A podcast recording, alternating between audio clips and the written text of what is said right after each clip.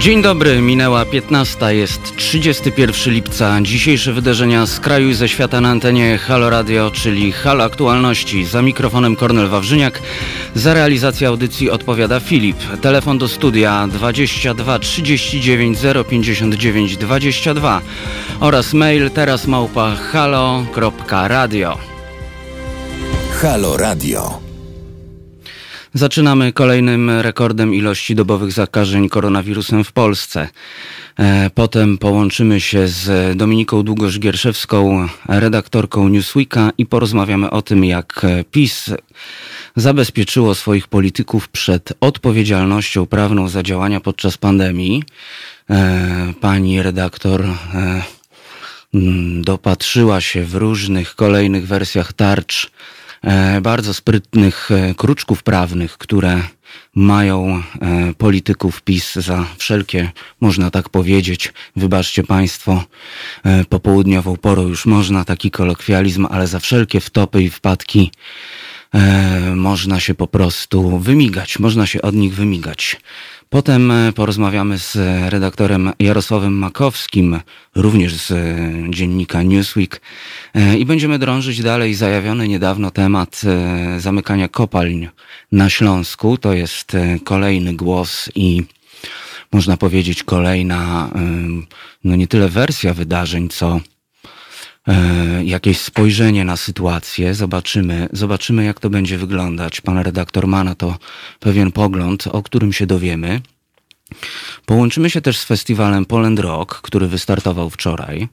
E, sprawdzimy, co w tym roku dzieje się na festiwalu i jak można w nim uczestniczyć, bo jak Państwo wiecie, e, mamy jednak cały czas warunki pandemiczne i o tym, jak sobie z e, całą organizacją e, festiwalu, który w tym roku odbywa się pod, e, pod hasłem najpiękniejszej domówki na świecie, jak sobie z tymi kwestiami organizacyjnymi i co też można na festiwalu obejrzeć, zobaczyć, jak w nim uczestniczyć, opowie nam Jurek Owsiak.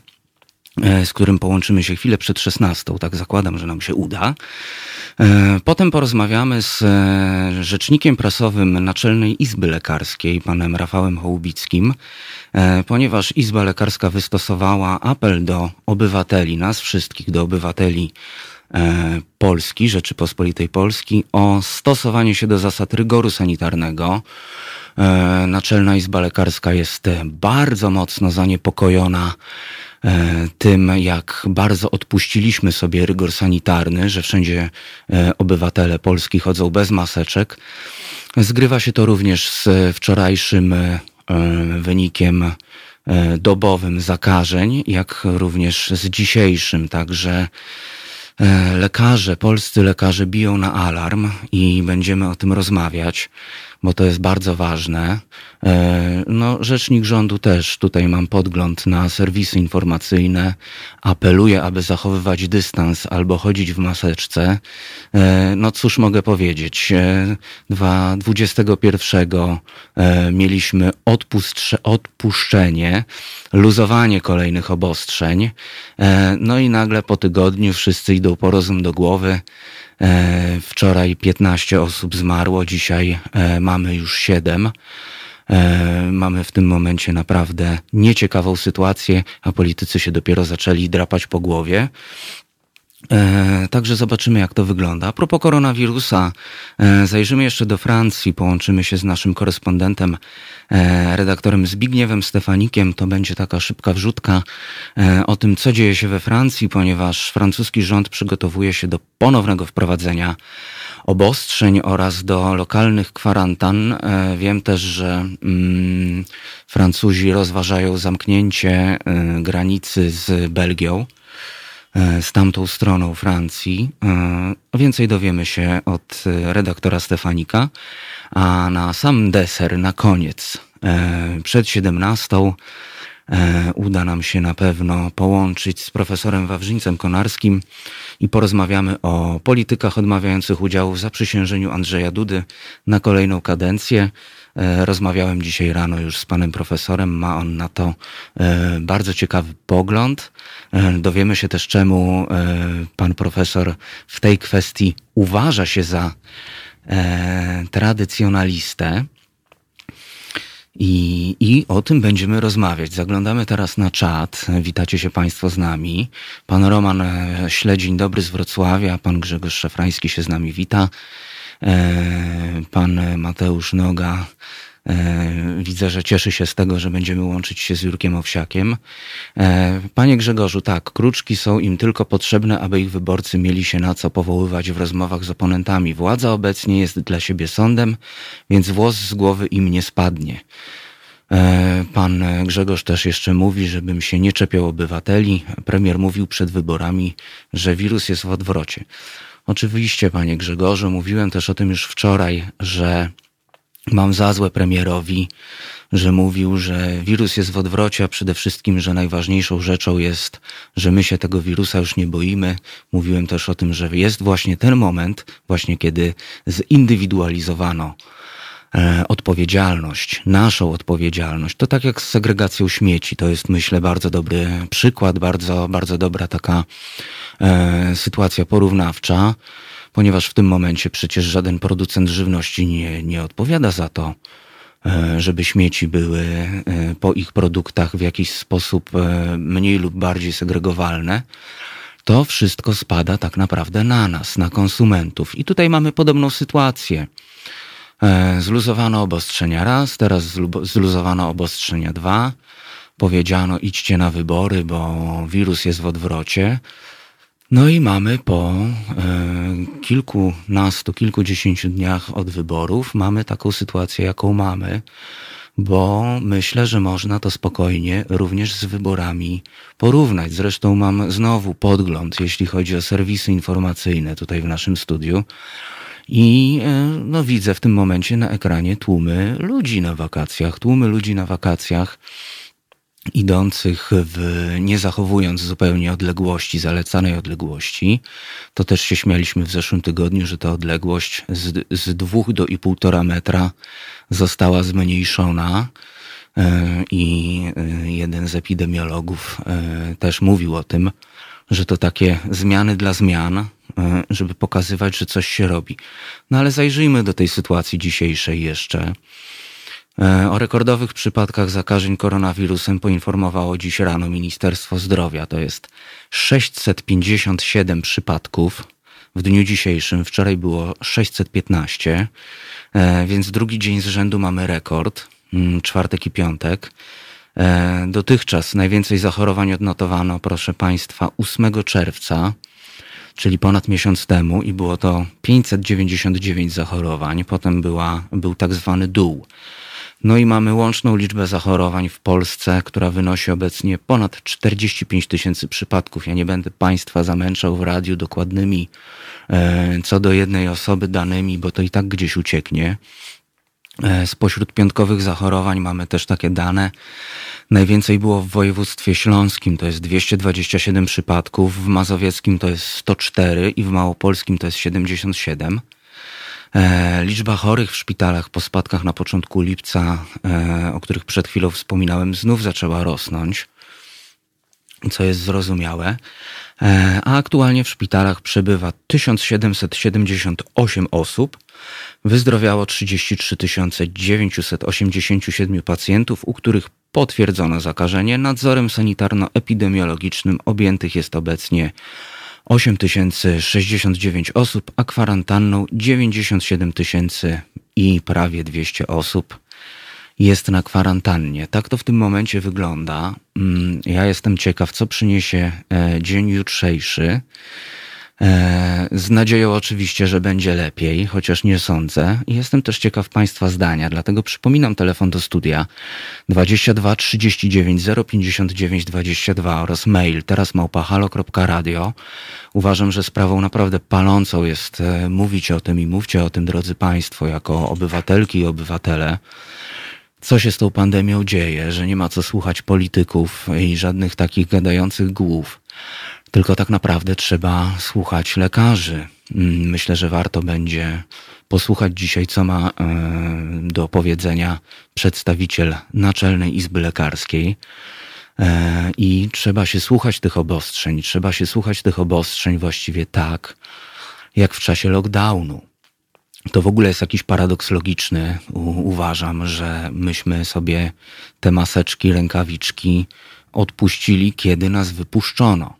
Za bardzo jednak uwierzyliśmy w to, e, że jak wirus odpuszcza, to odpuszcza. Ciekawą rzeczą też e, jest e, opinia WHO, bodajże z wczoraj.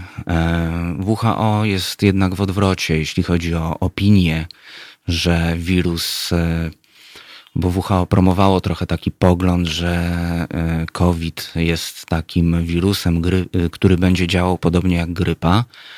No ale okazuje się, że no już są takie przesłanki, aby myśleć o tym, że nawet nie będziemy mówili o drugiej fali, tylko będziemy po prostu mówili o wzroście, bo pandemia nie odpuściła i nie ma co mówić o żadnych falach, tylko po prostu o nieprzerwanym ciągu zakażeń. I tak w tym momencie o tym myśli WHO. Ja przypominam Państwu, że utrzymujemy się z Waszych datków i właśnie dzięki temu możemy mówić i robić e, wszystko to, aby dbać o sprawy obywatelskie, aby mówić głośno i rzetelnie o tym, co się dzieje w kraju, co się dzieje na świecie i potrzebne jest nam nasze wsparcie, ponieważ to Wy e, tak naprawdę robicie to Halo Radio. My jesteśmy tutaj ponad 40-osobową ekipą na pokładzie, e, ale robimy to radio wspólnie. Robicie to radio Państwo z nami i uważam, że jest to naprawdę wspaniałe. Tak jak mówiłem ostatnio, e, nie ma tutaj tej e, takiej filmowej czy teatralnej czwartej ściany i dzięki temu możemy robić to radio wspólnie i wspólnie robić te audycje, ponieważ uczestniczycie w nich Państwo tak samo jak prowadzący. Do nas Swewa pisze, jestem ciekawa, kiedy Pinokio nie kłamie, jak wprowadzał obostrzenia, bo wirus, jak mówił, że wirus już nie zaraża, bo wybory, czy teraz nie robiąc nic, mimo że wirus. Nie no, Donna. Była już taka sytuacja, dzisiaj widziałem e, w internecie, robiono zdjęcie premierowi przed takim ogromnym telewizorem, jak już był na posiedzeniu kryzysowym w sprawie korony. Także to nie można przecież powiedzieć, że rząd nic teraz nie robi. Oczywiście to ironia. Teraz zrobimy sobie chwilę oddechu. Bardzo popołudniowy numer, e, ponieważ zagramy Tonight Joe Cockera. A już za chwilę połączymy się z Dominiką Długosz-Gierszewską z Newsweeka i porozmawiamy o tym, jak PiS przykryło tyłki swoim w razie wszelkich wpadek dotyczących działań e, związanych z COVID-em. Do usłyszenia już za chwilę. Słuchajcie powtórki programu.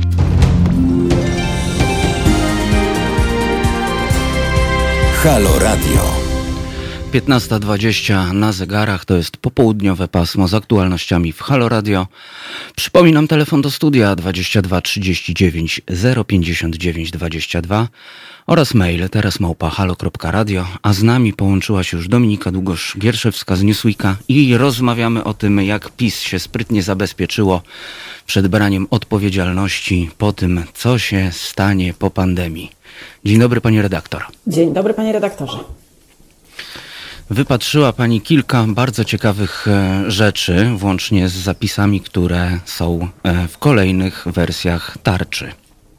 No, wypatrzyła to może trochę za dużo powiedziane, bo to są rzeczy, które są właściwie publiczne, zna, publicznie znane. My o nich mówimy od czasu do czasu, tylko jak się je zbierze wszystkie do kupy, że się tak bardzo kolokwialnie wyrażę, to yy, nagle się okazuje, że tych zabezpieczeń jest bardzo dużo, że tych zabezpieczeń przed odpowiedzialnością urzędniczą, przed odpowiedzialnością ministrów, przed yy, odpowiedzialnością spółek yy, zależnych od chociażby Funduszu Rozwoju, jest tak dużo, że one, jak się je wszystkie połączy, sprawiają, że nikt nie odpowie za źle wydane pieniądze, nikt nie odpowie za e, zamówienia bez przetargów, nikt nie odpowie nawet za nieodbyte wybory. Mówię o odpowiedzialności finansowej, zresztą odpowiedzialności karnej też zapewne nie będzie, bo w każdej tarczy antykryzysowej, w każdej ustawie związanej z COVID-em są właśnie tego typu bezpieczniki pochowane,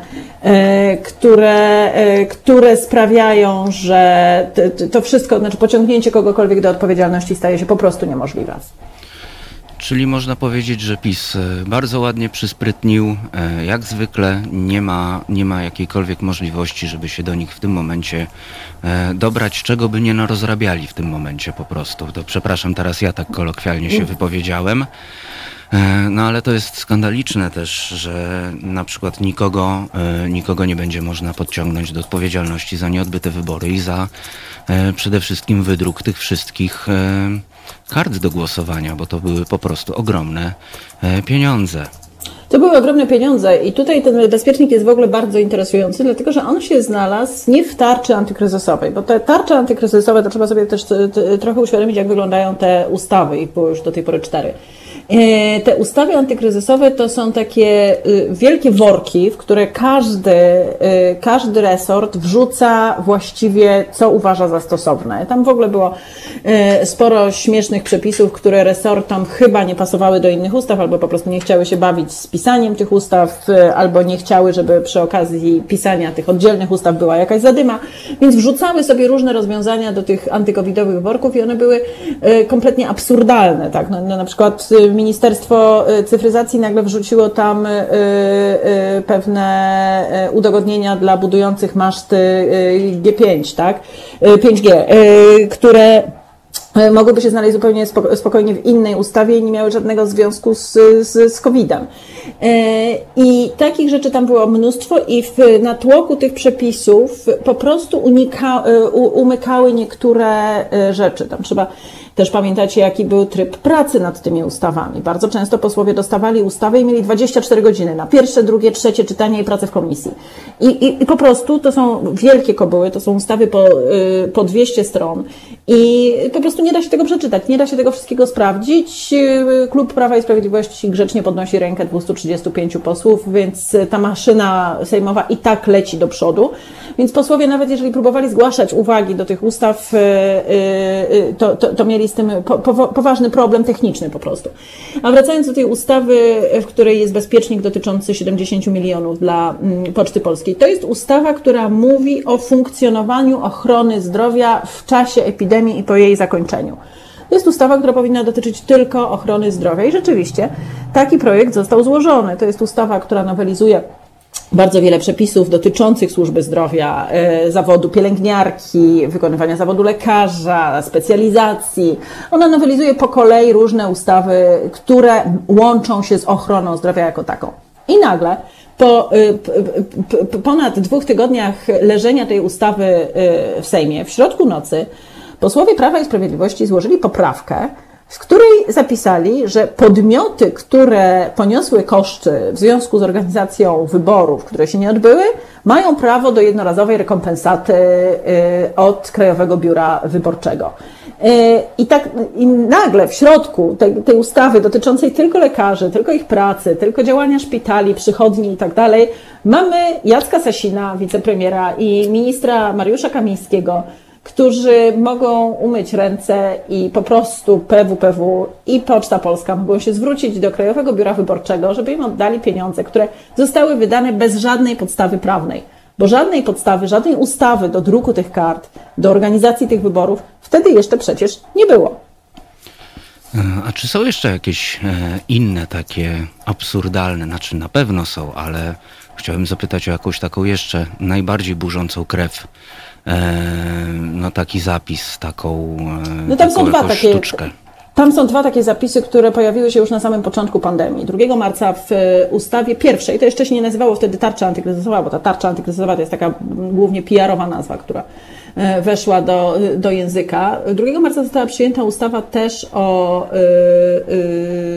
pandemii, o tym, co należy w czasie pandemii zrobić i tam E, przede wszystkim e, zdjęto obowiązek e, przetargów na zamówienia rzeczy związanych z ochroną zdrowia w tym czasie, czyli na maseczki, respiratory, kombinezony, przyłbice itd., tak itd. Tak to wszystko resorty mogły kupić bez przetargów. To, no to jest bezpiecznik, który od razu sprawia, że to, czego dowiedzieliśmy się znacznie później, czyli choćby zakup maseczek od instruktora narciarstwa czy respiratorów od y, y, pana handlującego bronią na co dzień, To jest zupełnie legalna transakcja. Nie, nie, muszą być, nie, musi, nie musiał być rozpisany przetarg, nie trzeba było zebrać ofert, nie trzeba było porównać tych ofert, nie trzeba było na przejrzystych zasadach, zgodnych z ustawą z 2004 roku, wybrać oferenta i kupić tego wszystkiego. Ja rozumiem oczywiście, że cel był taki, żeby to robić bardzo szybko,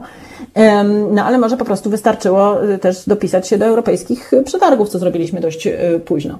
E, I rozumiem, że cel był taki, żeby szybko te wszystkie rzeczy potrzebne do y, tego, tej osobistej ochrony były dostępne. No ale otwiera to gigantyczną nawet nie furtkę, tylko bramę do nadużyć. Tak po prostu. I, i dalej.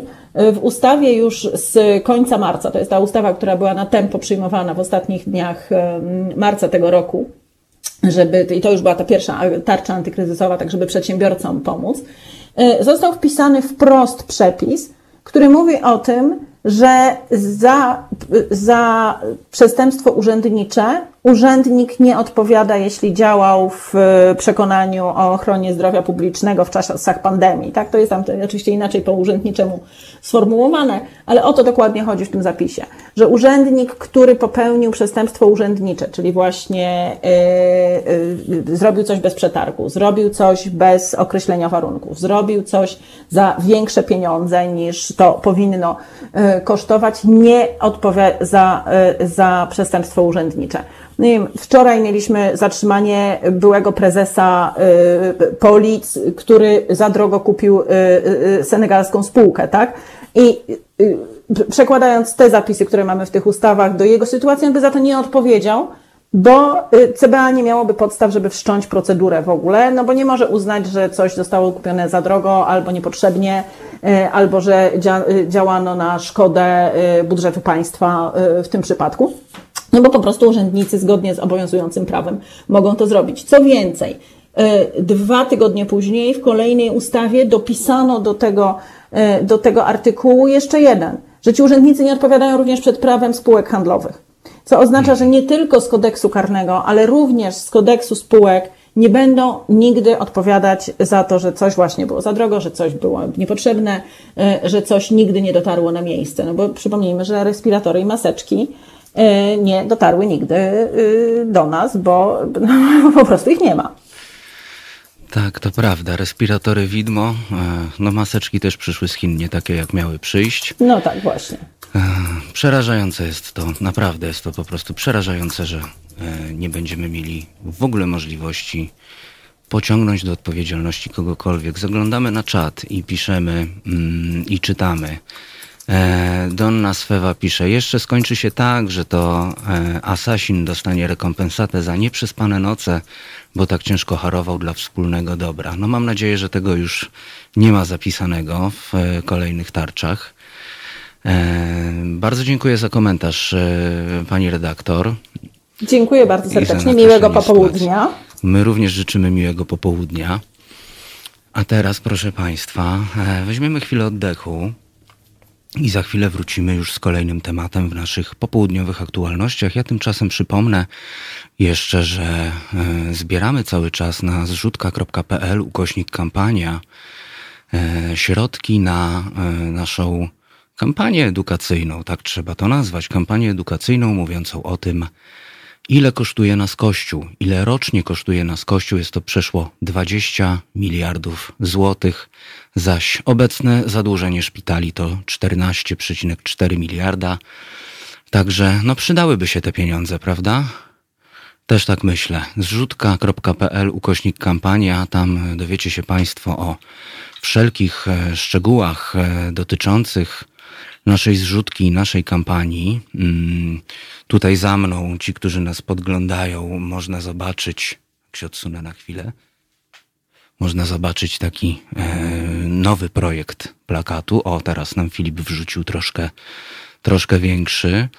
E, no mam jeszcze tam górę uciętą, ale to potem poprawimy kadr. Także zrzutka.pl kośnik kampania. A teraz chwila oddechu. Słuchajcie, powtórki programu.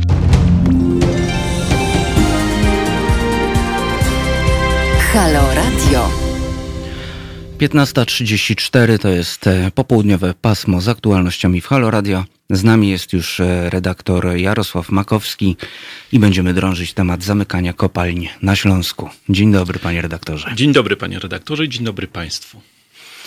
E, no było zamieszanie na początku tygodnia z kopalniami, bo jakby z tego, co usłyszałem już i zrozumiałem, to wypuszczono jakby informacje dziennikarzom, E, jeszcze przed rozmowami. I tak e, jakby strona najbardziej zainteresowana do, dowiedziała się, zdaje się, ostatnia, o ile w ogóle. A jak już było to posiedzenie w Katowicach, to w ogóle nie też nie wpuszczono dziennikarzy, tylko wręcz kijem po prostu odganiano, odganiano od, od miejsca spotkania. Rzeczywiście nie tyle mieliśmy do czynienia z zamykaniem kopalń, ale z jakimś rodzajem. Mm, Czy pojawiła się taka kwestia po prostu? Tak, ale y, sam etap przeprowadzenia i informacji spo, społeczeństwa jest tutaj hmm, ciekawy, bo rzeczywiście na czarnego luda wyszli, tak jak pan redaktor wspomniał, dziennikarze. Ja mhm.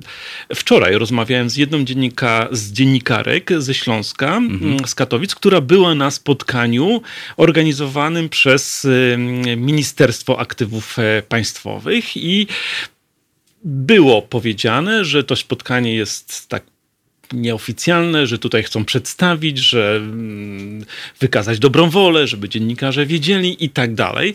Mm, po czym okazało się, że wszystko to, co dziennikarze na podstawie tego mm, spotkania napisali, że to jest y, nieprawda że to jest fake news. E, I rzeczywiście dziennikarze poczuli się, mówiąc trochę kolokwialnie, zrobieni na szaro i mają ku temu podstawy. I to jest jakby jeden element tej medialnej mhm. akcji, mhm. za którą stoi ministerstwo. Drugi to jest e, sam problem zamykania, wygaszania kopalń na Śląsku. I ja mieszkam w takim zabytkowym osiedlu Nikiszowiec. To są te czerwone familoki. Mhm. Pewnie Państwo, słuchacze, widzowie pamiętają z filmów e, Kazimierza Kuca, e, Sól Ziemi Czarnej e, na mhm. przykład. Natomiast trochę sobie po prostu porozmawiałem z górnikami, którzy również tam mieszkają i oni jakby doskonale znają ten mechanizm marketingowy, który jest uprawiany nie przez y, ten rząd, ale w ogóle. A mianowicie on polega na tym, że jeden z takich górników, y, jeszcze pracujący na kopalni mm, y, Staszic Murski, mówi: Panie Jarku, przecież to jest oczywiste, że rząd coś ogłasza, związkowcy muszą tupnąć potem nogą, po czym rząd się wycofuje. Rząd pokazuje, że się liczy ze stroną społeczną, związkową, z górnikami. Związki pokazują, że jak tupną, to Warszawa pod dywan wchodzi. Wszyscy zadowoleni. I mniej więcej tak to wygląda obecnie, ten proces zamykania kopalni Śląską. Czyli można powiedzieć, że to jest taka e, od dawien dawna gra między rządem a górnikami. To jest swoisty teatr. Teatr na użytek opinii publicznej, ponieważ e, pod spodem, e, mhm. czyli czy też za tą, mm, na zapleczu, toczy się rzeczywiście e, walka o życie w pewnym sensie. Czy nawet w dosłownym sensie. Otóż jest tak, że mm, nie ma pieniędzy na pensje. Jest tak, że hałdy węgla leżą i nie ma ich i nie ma kto tego węgla kupić. Jest tak, że import węgla z Rosji, e, Australii czy Kolumbii jest e, mhm. praktykowany przez e, obecny rząd. I w końcu jest tak, że 8 miliardów euro na sprawiedliwą transformację leży na stole pod warunkiem, że zaproponujemy, polski rząd zaproponuje plan odejścia od węgla.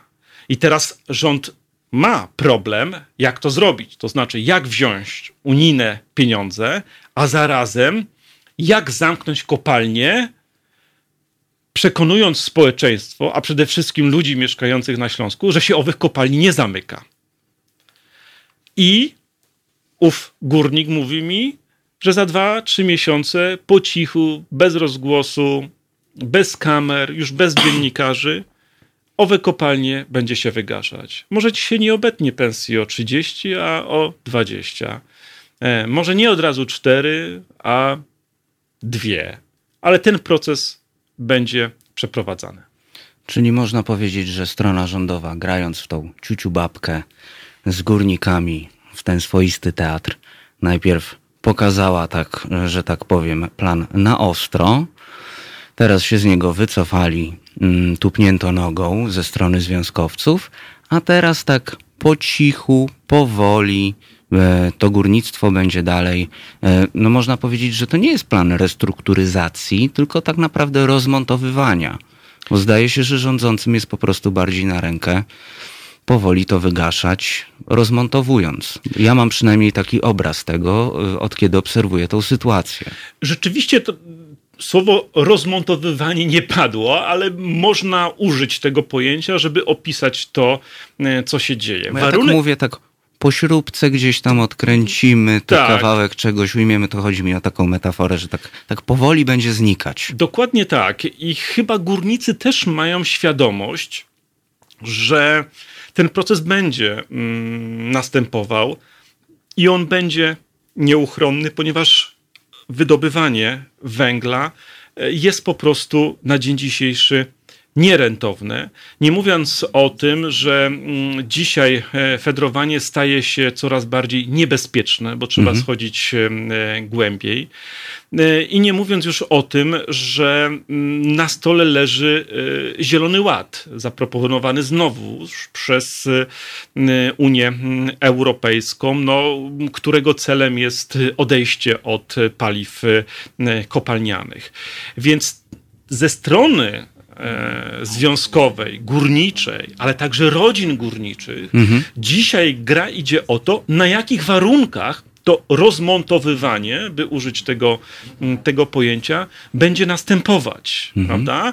E, No i tutaj e, znowu ja się powołam na rozmowy właśnie z górnikami, że gdyby była ta opcja przejścia na emeryturę, ta czteroletnia, bardzo wielu górników e, chętnie by z niej skorzystało.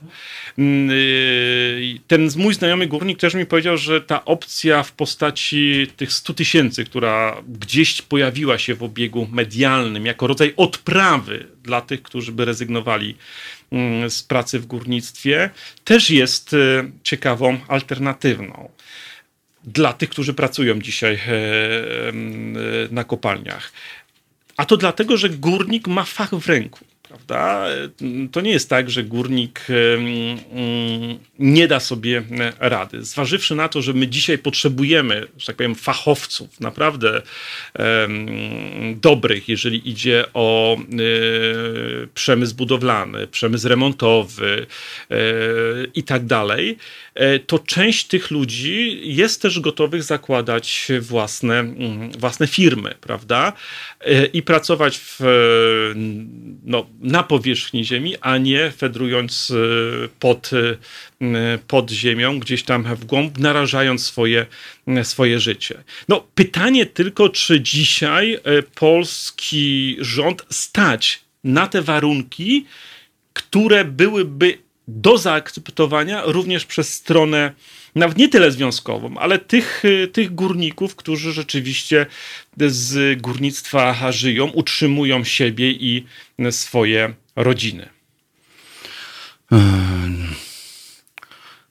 To jest bardzo ważna kwestia, o której pan redaktor mówi. Yy, Szczególnie, że ja jako amator w tych kwestiach, więc myślę, że sporo osób, które się nie orientują w kwestiach właśnie górnictwa, em, e, zwykle ma taki obraz, że no jeśli zamknie się kopalnię, to górnicy absolutnie zostaną bez pracy, albo będą musieli się jakoś naprawdę tak, e, no znowu użyję dzisiaj kolokwializmu, hardkorowo przekwalifikować. I że no, moż, mogą mieć z tym e, duży, duży problem. A tu się okazuje, że mają, tak jak pan redaktor mówi, fach w ręku. Tylko jest kwestia jeszcze zapewnienia tego od strony rządowej, jak rozumiem. Tak, przedstawienia programów, które A będą e, racjonalne, B będą rzeczywiście mm, pozwalały w sposób e, bezpieczny e, przekwalifikować się tym, którzy z górnictwa mm, odejdą. I trzy, co też jest ważne, co my jako osoby trochę patrzące z zewnątrz mm, nie dostrzegamy, nie widzimy. A mianowicie to nie jest tylko wydobywanie węgla, wie pan, na mhm. Śląsku. E, na Śląsku jest tak, że kto, że masz kogoś w rodzinie, kto fedruje, a jak nie w rodzinie, to w znajomym, e, sąsiad. To jest w pewnym sensie kultura, pewien sposób funkcjonowania i postrzegania rzeczywistości, który dzisiaj odchodzi do lamusa. To jest po prostu zmiana kulturowa. Dokładnie, też, też zmiana kulturowa. Nie tylko o, pieniądze idzie. Więc tutaj wie pan, to jest wspólnota losu, która była mhm. budowana przez, e, przez, przez długie lata na Śląsku i to jest też w pewien żal, utrata czegoś, co dawało życie, przeżycie czasami. I co można powiedzieć dla niektórych od zawsze było. Dokładnie tak, dokładnie tak, więc idzie też o jakieś takie symboliczne mhm. zapewnienie, Mm, ze strony rządu, ale także wydaje się, że jest takie oczekiwanie na Śląsku ze strony w ogóle społeczeństwa, że to górnictwo kiedyś było absolutnie czymś, co dawało życie nie tylko na Śląsku, ale w ogóle w Polsce. Mhm. Że ten górny Śląsk był tym regionem, który e, pozwalał się rozwijać e, innym pozostałym częściom naszego, e, naszego kraju. I to jest też element, który wydaje się, że gdzieś nam znika, bo koncentrujemy się tylko zamknąć, nie zamknąć, y, y, ile odejdzie, ile zostanie i tak dalej. Natomiast jest jeszcze ten wątek właśnie kulturowo-symboliczny, który, który, tak jak mówię, dla wielu jest cholerę, cholernie, przepraszam za słowo, ważny, istotny i, i z którym trudno się godzić, że on odchodzi właśnie do historii. Ja jeszcze zajrzę na chwilę na czat. Musimy już kończyć powoli. Ale nasza redakcyjna koleżanka Marta Woźniak pisze: Matko, jak ja bardzo dziękuję redaktorze za te słowa o kulturze. To oczywiście jest adresowane do pana redaktora. E, a poza tym szacunek za koszulkę z bebokiem. dziękuję. Dziękuję bardzo. Pozdrawiamy naszą redakcyjną koleżankę Martę Woźniak, z którą słyszeliście się państwo dzisiaj rano i usłyszycie się również jutro po 11 e, w jakże ważnym paśmie o zagranicy o tym, co się dzieje za granicą. Ja zawsze powtarzam, że to bardzo ważne, żeby wiedzieć, co się za granicą dzieje. Teraz e, chwila e, odpoczynku, chwila oddechu. Przypominam telefon do studia 22 39 059 22 oraz mail teraz małpahalo.radio. Możecie też Państwo do nas pisać na YouTubie, na Facebooku i podsłuchiwać muzyki na Mixcloudzie. A teraz zagramy. To jest powtórka programu.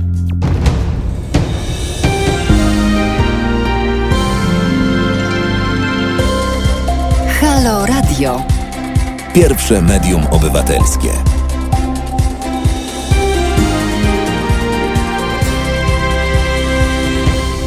Za dwie minuty, godzina 16, to jest popołudniowe pasmo w Halo Radio, czyli Halo Aktualności. Eee, telefon do studia 22 39 059 22, mail teraz małpahalo.radio. Miał do nas dołączyć właśnie Jurek Owsiak, ale jest w ogniu walki. Właśnie dostaliśmy telefon e, ze sztabu polętrokowego, ale nic straconego, proszę Państwa. No walczyliśmy tutaj jak lwy z Filipem.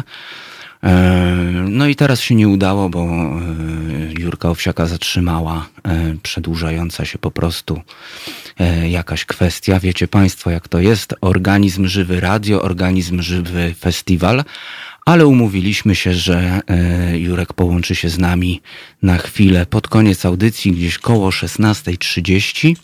Taką mi złożono obietnicę, więc mam nadzieję, że nam się uda. E, za chwilę połączymy się z e, redaktorem Zbigniewem Stefanikiem, naszym korespondentem w Strasburgu. Później połączymy się z profesorem Wawrzyńcem Konarskim e, i porozmawiamy o politykach odmawiających udziału w zaprzysiężeniu Andrzeja Dudy na kolejną kadencję. To jeszcze jest plan na dziś. No i będzie jeszcze Naczelna Izba Lekarska która wystosowała apel do obywateli Polski o stosowanie się do zasad rygoru sanitarnego. Także takie tematy jeszcze nas czekają. No i po, połączymy się, mam nadzieję, też z Jurkiem Owsiakiem. Jak wiecie Państwo, no jest to taka festiwalowa sytuacja, więc zawsze może być jakiś pożar. My to dobrze też na antenie e, radiowej znamy, że różne rzeczy potrafią się wydarzyć. Tymczasem przypomnę Państwu o naszej e, zrzutce z naszym nowym plakatem zrzutka.pl ukośnik kampania. E, roczny koszt utrzymania kościoła to jest coś, o czym chcemy powiedzieć naszym e, słuchaczom, ale nie tylko naszym słuchaczom i słuchaczkom, ale chcemy też powiedzieć tym, którzy jeszcze o tym nie wiedzą, ile rocznie kosztuje nas Kościół.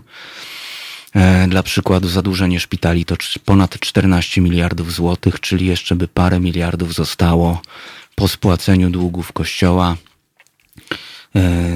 I, i właśnie, a ludzie o tym nie wiedzą, więc warto o tym mówić. A my chcemy powiesić plakaty w różnych miastach Polski, w tym w Łodzi, Warszawie, Krakowie czy Katowicach, no również w Trójmieście i Wrocławiu. E, no i będą wisiały plakaty, które będą o tym informowały. Będą informowały o tym, ile kosztuje nas rocznie Kościół. E, zrzutka.pl kośnik kampania. Odpowiadam jeszcze, mamy już na linii e, redaktora Stefanika, ale jeszcze E, jeszcze odpowiadam, bo tutaj naprawdę na czacie cały czas tak jest. Przepraszam Państwa za prywatę w aktualnościach, ale tu już jest któreś e, pytanie z kolei, bo przyznałem się też w środę, kiedy nie było mnie cały dzień, że miałem e, rozmowę mm, rekrutacyjną do szkoły doktorskiej na UW. I tu już kolejne pytanie. Kimer pyta, redaktorze, jak doktorat? Na razie redaktor, redaktorze żadnego doktoratu nie ma. E, ponieważ dopiero była rozmowa, była rozmowa i ta rozmowa i jej wynik będzie wiadome 10 e, sierpnia.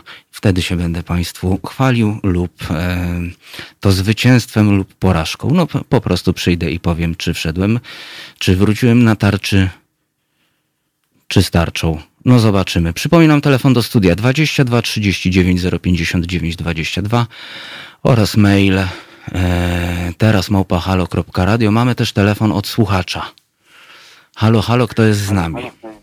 Dzień dobry, Mariusz z Irlandii. Ja tak przesłuchałem się tutaj wcześniejszej rozmowy na temat e, tego nietykalności, tych umiejętnie napisanych praw przez PiS, mhm. że um, członkowie partii, bo przeważnie tacy są w rządzie, będą nietykalni. I wie pan co, ja to wyjechałem sobie do Irlandii, jak tylko tworzyli te bramy, bo takie był, pracowałem w Warszawie ciężko i tam też byli nietykalni podwykonawcy, nie płacili nam i tak dalej. Mhm. I ja mam takie jedno pytanie. Czy naprawdę oni są nietykalni, czy...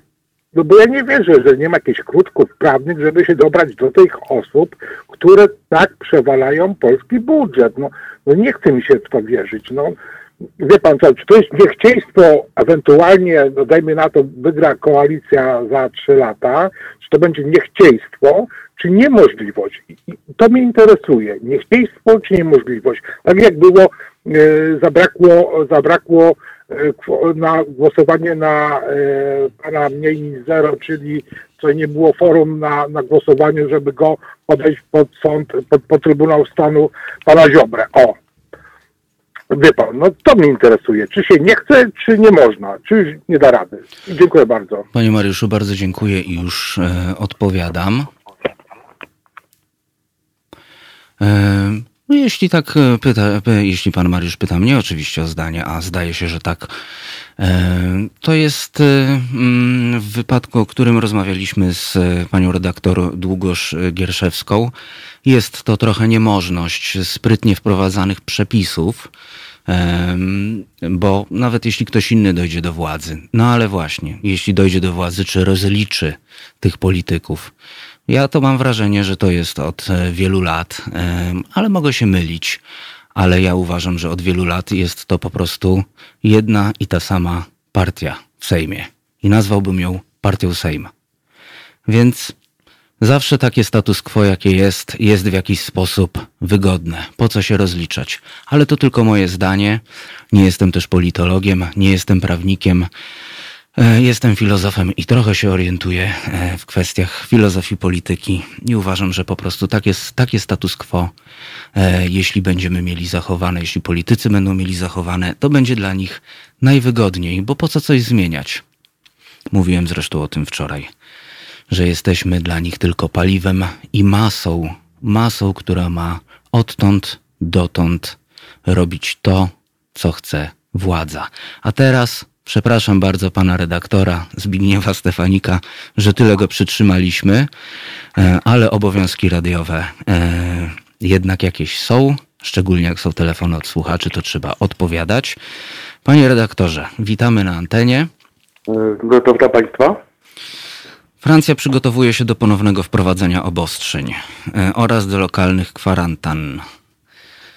Już faktycznie Wczoraj został przekroczony pewien pułap. Otóż okazało się, iż po raz pierwszy od 9 kwietnia tego roku e, nad Sekwaną e, w szpitalach na oddziałach intensywnej terapii przybywa pacjentów. Mm, tak więc jest to znak, iż właściwie Francja już zaczyna stawiać czoła drugiej e, fali COVID-u. No właśnie tego obawiano się nad Sekwaną, iż do tego może dojść. Tak więc faktycznie Francja przygotowuje się, czyli od, od 7 dni obowiązuje obostrzenie dotyczące no właśnie e, noszenia maseczek e, w miejscach publicznych zamkniętych.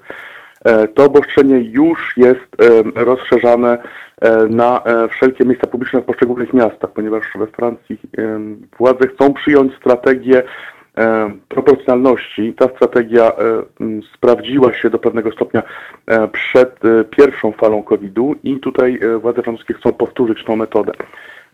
Tak więc na tym etapie rząd francuski wyklucza e, ogólnokrajowej kwarantanny, ogólnokrajowego lockdownu e, i właśnie chce spróbować e, wprowadzać, o ile to stanie się konieczne, lockdowny lokalne, czyli być może miasta, poszczególne samorządy, później departamenty, być może wręcz mhm. regiony.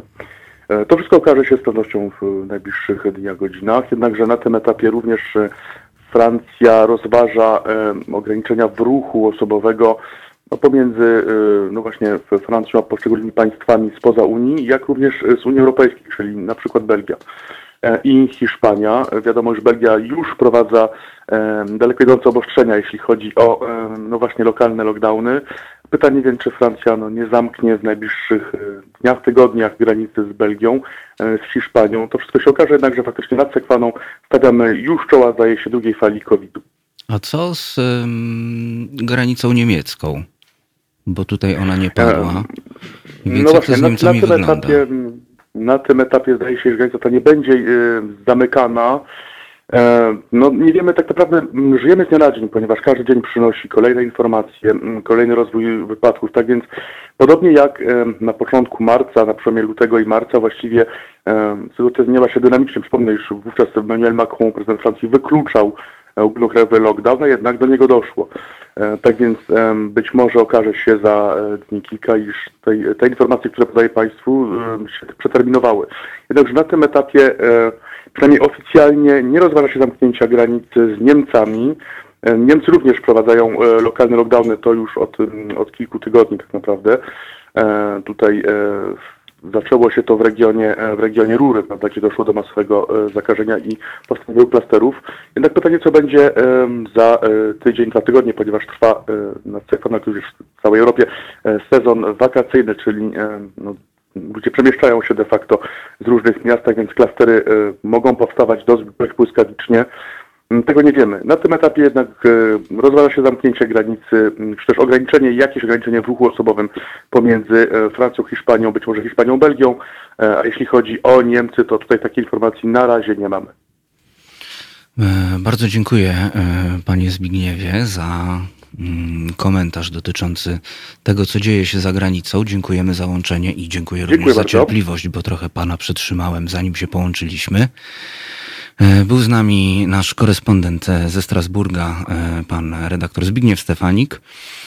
E, a już za chwilę połączymy się z e, rzecznikiem prasowym Naczelnej Izby Lekarskiej Rafałem Hołubickim, z którym porozmawiamy o wystosowanej do obywateli Rzeczypospolitej, o wystosowanym apelu o stosowanie się do zasad rygoru sanitarnego. Mam nadzieję, że również uda nam się skomentować ostatni wzrost zakażeń. A teraz e, chwila oddechu. Miss you, less, see you more. Faithless. Słuchajcie powtórki programu.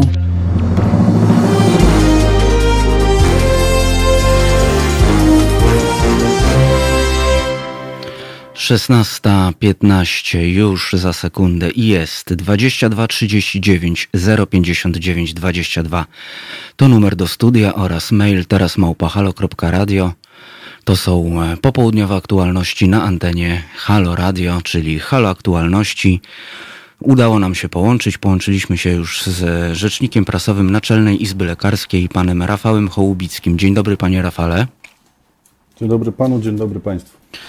Naczelna Izba wystosowała apel do obywateli Polski o stosowanie się do zasad e, rygoru sanitarnego. Bijecie wręcz w tym e, apelu na alarm. Tak, e, no niestety w, w, ostatnich dniach e, można było zaobserwować e, wzrost zachorowań koronawirusem i jakby te wszystkie odpowiedzialne decyzje naszego społeczeństwa, które były podjęte na samym początku marca i kwietnia, dzięki czemu ta ilość zakażeń nie była tak szalona jak w innych, w innych krajach europejskich po prostu e, teraz mogą po prostu zostać zniweczone. Dlatego podjęliśmy taki apel e, skierowany do obywateli, aby przestrzegali tych zasad, podstawowych zasad E, bezpieczeństwa, czyli noszenia maseczek. Przede wszystkim chodzi o to, żeby były zasłonięte usta i nos. Nie tak jak można zaobserwować, że po prostu ludzie zasłaniają tylko usta, nos jest od, od, odkryty. Zachowanie tego dystansu społecznego, czyli minimum półtora do dwóch metrów e, pomiędzy, pomiędzy ludźmi i higiena osobista, przestrzeganie, czyli przede wszystkim mycie rąk częste i ich dezynfekcja. Mamy pytanie od słuchaczki, od słuchacza. E, pan Kurkowiec e, pyta, czy w ostatnim czasie było tak mało zakażeń, czy być może było za mało testów? Znaczy tak, trzeba powiedzieć, że. Jak Izba, testów... jak izba się na to zapatruje?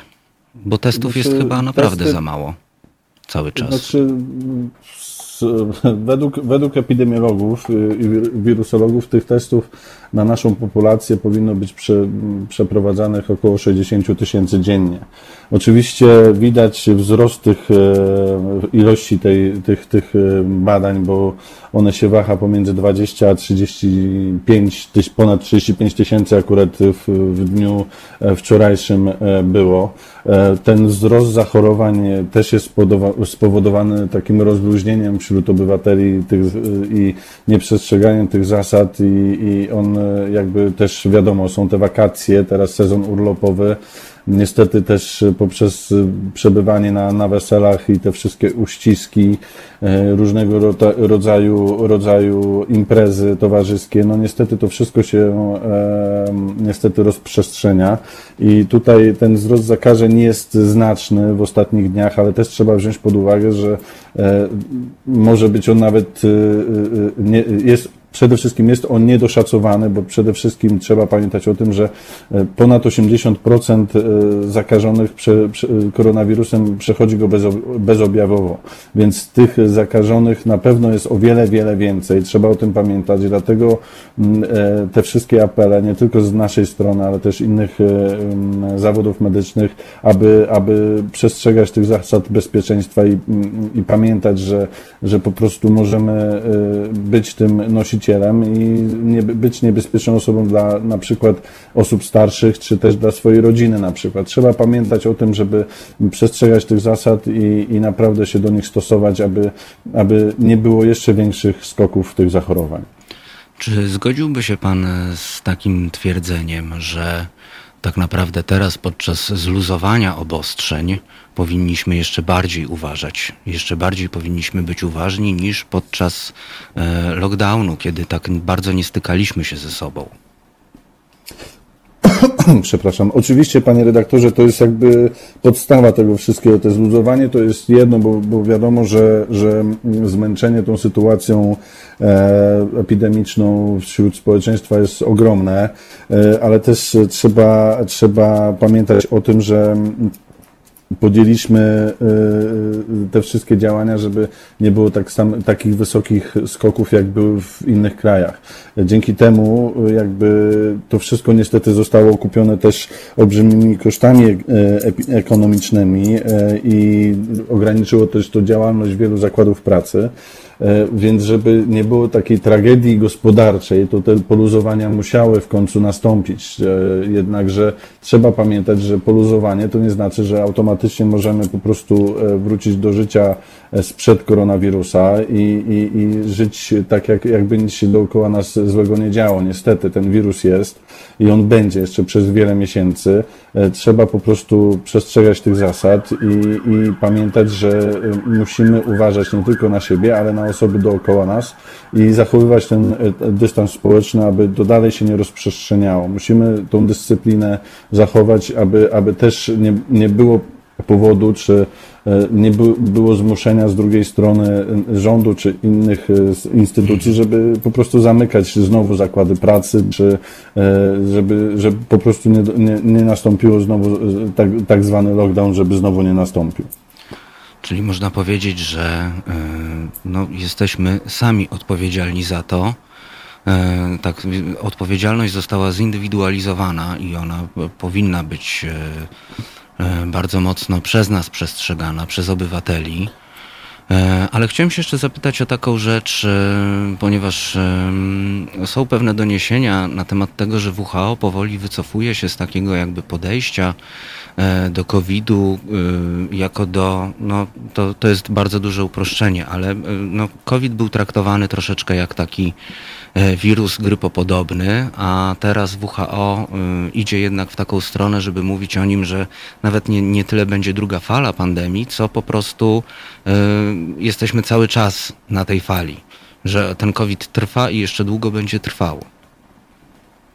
E, znaczy tak, panie redaktorze, jeżeli chodzi o inne e, kraje, to, to tam akurat e, była sytuacja taka, że tak naprawdę był bardzo wysoki skok zachorowań, mhm. po czym on jakby trochę się obniżył. U nas te zachorowania wahają się między 200, 300, 400, teraz 600. Tak naprawdę my nie mamy takiego spadku e, e, znaczącego tych zachorowań, więc ja bym nawet poszedł dalej i powiedział, że ta fala u nas się cały czas utrzymuje. Ona jakby ta epidemia nie ustała, mm, jak to niektóre osoby publiczne stwierdziły w pewnym momencie. Teraz jakby odwracają ten trend ale jednak też trzeba pamiętać, że mm, mm, to jest coś nowego. To nie jest choroba, na którą jest lek, to nie jest wirus, na który jest lek.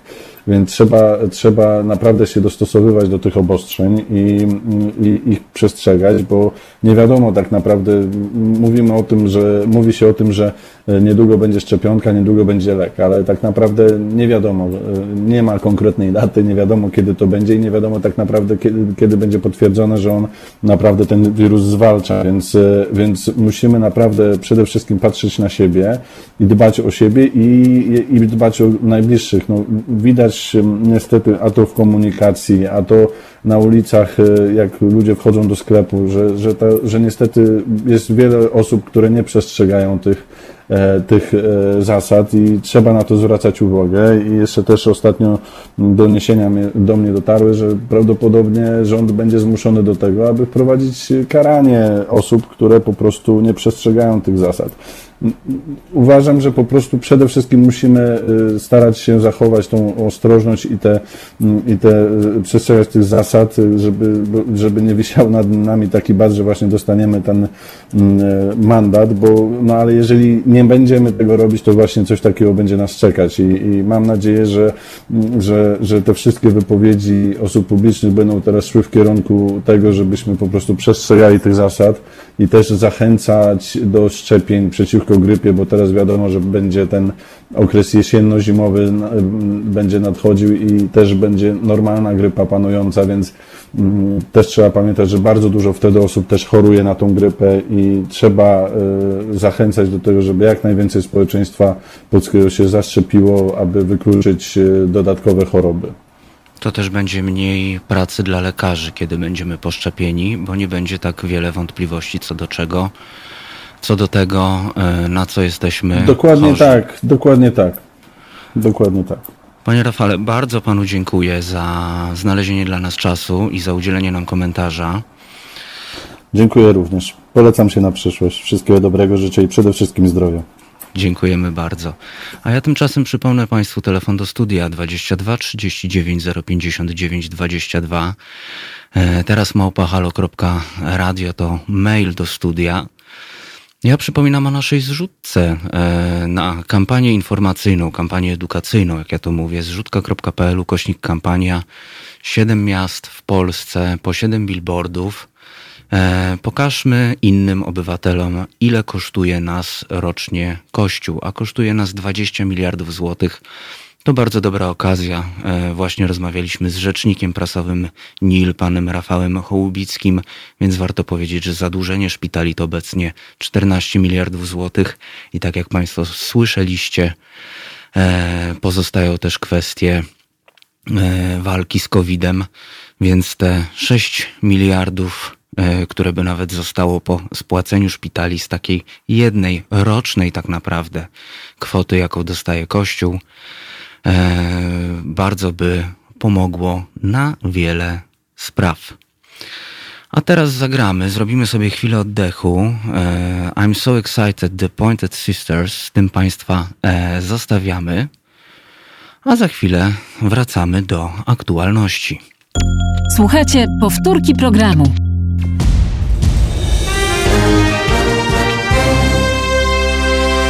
16.32 za 4 sekundy na zegarach. Telefon do studia 22 39 059 22 oraz mail teraz małpahalo.radio dla tych, e, którzy dopiero do nas dołączyli. Przypomnienie, e, a nawet oświadczenie, że jest to popołudniowe pasmo z aktualnościami w Halo Radio. E, połączyła się z nami rzeczniczka festiwalu Poland Rock i WOŚP pani Anna Jadwiga Orzech. Dzień dobry pani Anno. Dzień dobry. Pozdrawiam no. z festiwalu. Tak, pozdrawiam z festiwalu, który właśnie się toczy i, i mimo tego, że nie jesteśmy w Kostrzynie nad Odrą, a, a, w Warszawie, w Warszawskim też jest bardzo, bardzo gorąco, więc mam nadzieję, że słuchacze też e, tą energię chociaż przez chwileczkę dostaną i, i doświadczą. Też mam taką nadzieję. Pani Anno, e, festiwal w tym roku odbywa się w sposób e, no można powiedzieć, pandemiczny. Festiwal w tym roku jest wyjątkowy, to, to, to, rzeczywiście, no bo nie spotykamy się w Kostrzynie, nie spotykamy się twarzą w twarz. Z przyczyn oczywistych, z przyczyn pandemii musieliśmy wymyślić inny sposób, który jednak pozwoli nam na to, żeby być ze wszystkimi naszymi fanami, z wszystkimi naszymi przyjaciółmi w stałym kontakcie i dostarczyć im dużo muzycznych wrażeń, e, dostarczyć im dużo ciekawych spotkań z gośćmi Akademii Sztuk Przepięknych, no i przede wszystkim taki sposób, żeby móc się z nimi łączyć i móc z nimi rozmawiać. Więc e, no, mimo tego, że, e, że festiwal jest w okresie pandemii, e, to my się czujemy tak naprawdę tak, jakbyśmy byli na, na normalnym, tradycyjnym festiwalu, ponieważ mhm. właśnie te emocje, ta energia, którą zawsze doświadczyliśmy na polu, jest tutaj też z nami. A proszę mi powiedzieć, bo ze względu na to, że festiwal odbywa się w zupełnie innej formule, w zupełnie innym miejscu, jak można dołączyć do festiwalu w tym roku? Jak można wziąć w nim udział? Festiwal nadajemy e, praktycznie tam, gdzie się da. Czyli jesteśmy na Facebooku, jesteśmy na Twitchu, jesteśmy na YouTubie, e, nadajemy także na playerze i na głównej stronie Onetu. E, staramy się wszędzie tam, gdzie, gdzie są nasi fani, nasi przyjaciele tą, ten festiwal transmitować, no ale też na wszystkich tych miejscach, a także na chociażby Discordzie czy innych tego typu komunikatorach rozmawiać i dyskutować ze wszystkimi naszymi fanami, więc tak naprawdę nadajemy wszelkimi możliwymi kanałami z każdym, kto choć przez chwilę chce poczuć tego festiwalowego ducha. A jakie atrakcje czekają jeszcze dzisiaj e, potencjalnych partycypantów festiwalu? E, przed nami koncert Betel, e, czyli bardzo dużo regałowego grania. Później elektryczne gitary, Black River, Poparzenie kawał 3, Piotr Bukartyk, Happy Set, Big Cyt, Doktor Misio, Łydka, e, Grubasa, e, więc e, tak naprawdę bardzo mocny skład dzisiejszego wieczora czeka na wszystkich tych, którzy włączą wiem, internet, włączą swój telewizor i, i, będą chcieli być z nami. No a jutro od rana z powrotem zapraszamy na Akademię Sztuk Przepięknych, bo jutro będziemy gościć kolejne, kolejnych gości, będziemy mogli rozmawiać o kolejnych bardzo ciekawych e, rzeczach. Także, no właśnie, mimo tego, że w innej formie, to, to nadal myślę, że wszystko to, co przygotowaliśmy, cieszy e, oczy i cieszy uszy e, wszystkich zainteresowanych.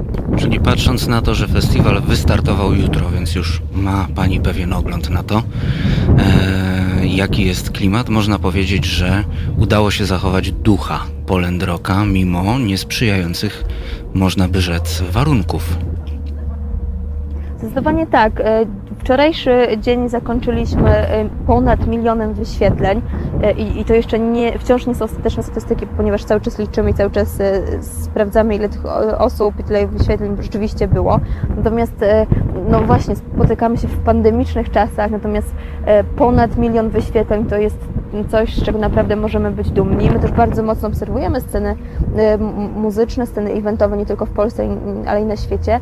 No i jak tak obserwujemy, no to wszystko wskazuje na to, że jesteśmy jedynym takim festiwalem, e, który w takiej formule e, e, przeniósł się do sieci i, i nie tylko transmituje archiwalne materiały, no ale przede wszystkim transmituje na żywo koncerty, transmituje na żywo spotkania, no i daje tę możliwość bycia w stałym kontakcie, ponieważ my przez cały czas czytamy komentarze, podajemy je na żywo na antenie, a także na żywo łączymy się z wszystkimi tymi, którzy w swoich domach postanowili e, takie, można powiedzieć, mini festiwale zorganizować, zorganizować takie domówki e, i oglądać e, ze znajomymi nasz, nasze festiwalowe granie.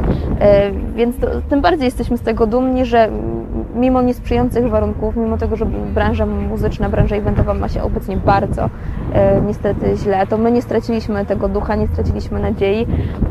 No i właśnie czujemy to, że ten festiwal był potrzebny ludziom, e, że te wszystkie wyświetlenia, te wszystkie miliony wyświetleń pokazują, że podjęliśmy dobrą decyzję, e, że ten festiwal w takiej, a nie innej formie zorganizowaliśmy. Bardzo dziękuję za łączenie. Wiem, że macie dzisiaj naprawdę młyn. Dlatego dziękuję za, za komentarz, za znalezienie czasu. E, a Państwa serdecznie zapraszam na do, do podglądania festiwalu i do uczestniczenia, bo tak jak słyszycie Państwo, można partycypować, uczestniczyć w festiwalu, podobnie zresztą jak na antenie Halo Radio w audycjach, bo można komentować. Dziękujemy za łączenie. Była z nami Anna Jadwiga Orzech, Dziękuję rzeczniczka Poland Rock Festival. Przypominam telefon do studia 22 39 059 22 oraz mail teraz małpa halo.radio. Zrobimy sobie króciusieńką chwilę oddechu i wracamy już za chwilę. Słuchajcie, powtórki programu. Halo Radio. Pierwsze radio z wizją. 20 minut do godziny 17 to jest popołudniowe pasmo z aktualnościami w Halo Radio. Połączył się już z nami profesor Wawrzyniec Konarski. E, porozmawiamy o politykach odmawiających udziału w zaprzysiężeniu Andrzeja Dudy na kolejną kadencję. Dzień dobry panie profesorze. Dzień dobry panu, dzień dobry państwu. Tutaj już słuchaczom mówiłem, że mieliśmy okazję rozmawiać e, troszeczkę wcześniej przed audycją i że pan profesor powiedział, że sam się jakby zdziwił sobie, że e, pozostaje w pewnych kwestiach e, konserwatystą, jeśli chodzi o to zaprzysiężenie. Chciałbym, żeby pan profesor, bo to była świetna myśl, i chciałbym, żeby pan profesor ją rozwinął na antenie troszkę. Dobry Państwu jeszcze raz. E, tak, ja wyznaję zasadę pacta sunt servanda. Jeżeli coś zostało postanowione także za pomocą woli wyborców, powinno być respektowane przez pozostałych wyborców, nawet jeżeli mamy swoje uwagi, a mamy prawo je mieć, ja też je mam, nawet bardzo dużo, do dotychczasowego prezydenta, no i tego, który będzie ponownie zaprzysiężony, co nie zmienia faktu, że e, bojkot, przypomnę, bojkot jest e, nazwą świętą XIX-wiecznych realiów finlandzkich, więc wchodzimy trochę na moje poletko badawcze od wielu lat. I taki kapitan Charles Boycott, który został zbojkotowany, ponieważ uciskał swoich dzierżawców. I to się skończyło dla niego oczywiście fatalnie, ale pamiętajmy, tam cała społeczność była przeciwko niemu. W związku z tym jego zbojkotowanie odniosło skutek. W tym przypadku nie możemy zapominać o tym, że Andrzej Duda, niezależnie od tego, czy on się komuś podoba, czy też nie, dysponuje bardzo znaczącym poparciem ponad 10 milionów dorosłych Polaków. I w związku z tym mm, jakaś formuła lekceważenia, czy lekceważąca wobec faktu zaprzysiężenia jest niestety naruszeniem pewnych podstaw y, polskiego państwa prawnego. Powtarzam jeszcze raz, niezależnie od tego, jakie mamy uwagi do Andrzeja Dudy i jakie mamy uwagi do tej kampanii. W związku z tym, jeżeli będziemy się trzymać pewnych imponderabiliów, a trzymać się ich powinniśmy, jeśli chcemy być społeczeństwem obywatelskim i praworządnym, to y, takiego bojkotu robić nie należy. I pamiętajmy również o tym, a to jest moja uwaga dla Państwa słuchaczy i oczywiście dla osób, które są y, po drugiej stronie barykady, że każda tego typu formuła daje jak gdyby asumpt, daje powód ku temu, żeby w przyszłości podobne zachowanie miało również miejsce. Nie podoba mi się to, nie kształtuje to kultury prawnej oraz kultury politycznej, która ma być wysoka w obu przypadkach. jeszcze jedna uwaga drobna. Przypominam sobie, jaki szok wśród wielu moich znajomych wywołał wybór Aleksandra Kwaśniewskiego. Wśród różnych bzdur, jakie wtedy były opowiadane przez część, także publicystów, ale i krąg moich znajomych, była jedna taka, która mówiła o tym, że komuna ma wracać. No oczywiście świadczyło to o bardzo dużej ignorancji osób, które nie rozumiały, że o żadnej komunie nie ma już mowy, że jesteśmy w zupełnie innym systemie i że Aleksander Kwaśniewski, który został wtedy wybrany również e, no, za pomocą czy dzięki konkretnym, konkretnym e, licznym e, grupom polskiego społeczeństwa, no i wiadomo, później sprawował swój urząd bardzo przyzwoicie, więc mówiąc, powinniśmy przestrzegać reguł, tej głównej reguły, którą już wyraziłem, pacta sunt servanda, a to jest w tym przypadku umowa, jaką społeczeństwo minimalnej większości, ale jednak zawarło z Andrzejem Dudą i całe społeczeństwo będzie mogło od tej pory rozliczać Andrzeja Dudę z tego, czy jest on wiarygodny jako prezydent. Natomiast sytuacja, w której bojkotuje się jego zaprzysiężenie, jest y, złym pomysłem i pokazuje, że mamy w sobie za dużo zawziętości. Czyli można powiedzieć, że mm, powinniśmy się trzymać, to przepraszam panie profesorze, bo to jest taka jakaś moja metafora, takiej kindersztuby politycznej i kindersztuby takiego współżycia społecznego. I z tego co rozumiem, e, trzymanie się tej kindersztuby będzie nam dawało pewien oręż, e, pewną argumentację. To jest granie Dobranie, według zasad, pan, pewnych tak, zasad. Gdybym politykiem i, i, i był jak gdyby pytany, no, negowany o to, czy będę brał udział, to wziąłbym udział w takim zaprzysiężeniu. No i jednocześnie miałbym, e, sądzę, Y, absolutnie wiarygodny mandat w ręku, by móc w najbliższej przyszłości powiedzieć, czy Andrzej Duda spełnia moje oczekiwania, czy też nie, ponieważ moja obecność jako polityka na takim zaprzysiężeniu byłaby formą kredytu zaufania, jaki udzielany jest przeze mnie i wszystkie te inne osoby, które biorą udział w takim zaprzysiężeniu. Jeżeli ten kredyt zaufania zostałby naruszony przez prezydenta w postaci jego działań, takich czy innych, które byłyby ocenione jako nagannie, miałbym prawo w tym momencie, nie teraz, tylko w momencie, w którym takie przykłady czy przejawy złego wypełnienia swojej funkcji miałyby miejsce, miałbym prawo wtedy stwierdzić, że nadchodzi czas nieposłuszeństwa obywatelskiego, ale dopiero wtedy. Panie profesorze, bardzo dziękuję za komentarz, bardzo dziękuję za poświęcony nam czas. E, myślę, że to było bardzo pouczające zarówno dla mnie, na pewno dla mnie, jak również dla słuchaczy. E, no i proszę Państwa, no, Kindersztuba. Był z nami profesor Wawrzyniec-Konarski. E, dziękujemy. Dziękuję bardzo. Panu. I tak, no mamy już, e, no przeciągnęliśmy trochę dzisiaj, ale było zamieszanie, proszę Państwa, lekkie antenowe. E, także życzę Państwu miłego weekendu. Dziękuję za obecność, za naprawdę liczne komentarze. Dzisiaj na czacie e, wrzało i to nie jednym. E, zapraszam Państwa na audycję Beaty Kawki, która jest już za moment, za 13 minut e, będą rozmowy bardzo osobiste na antenie Halo Radio.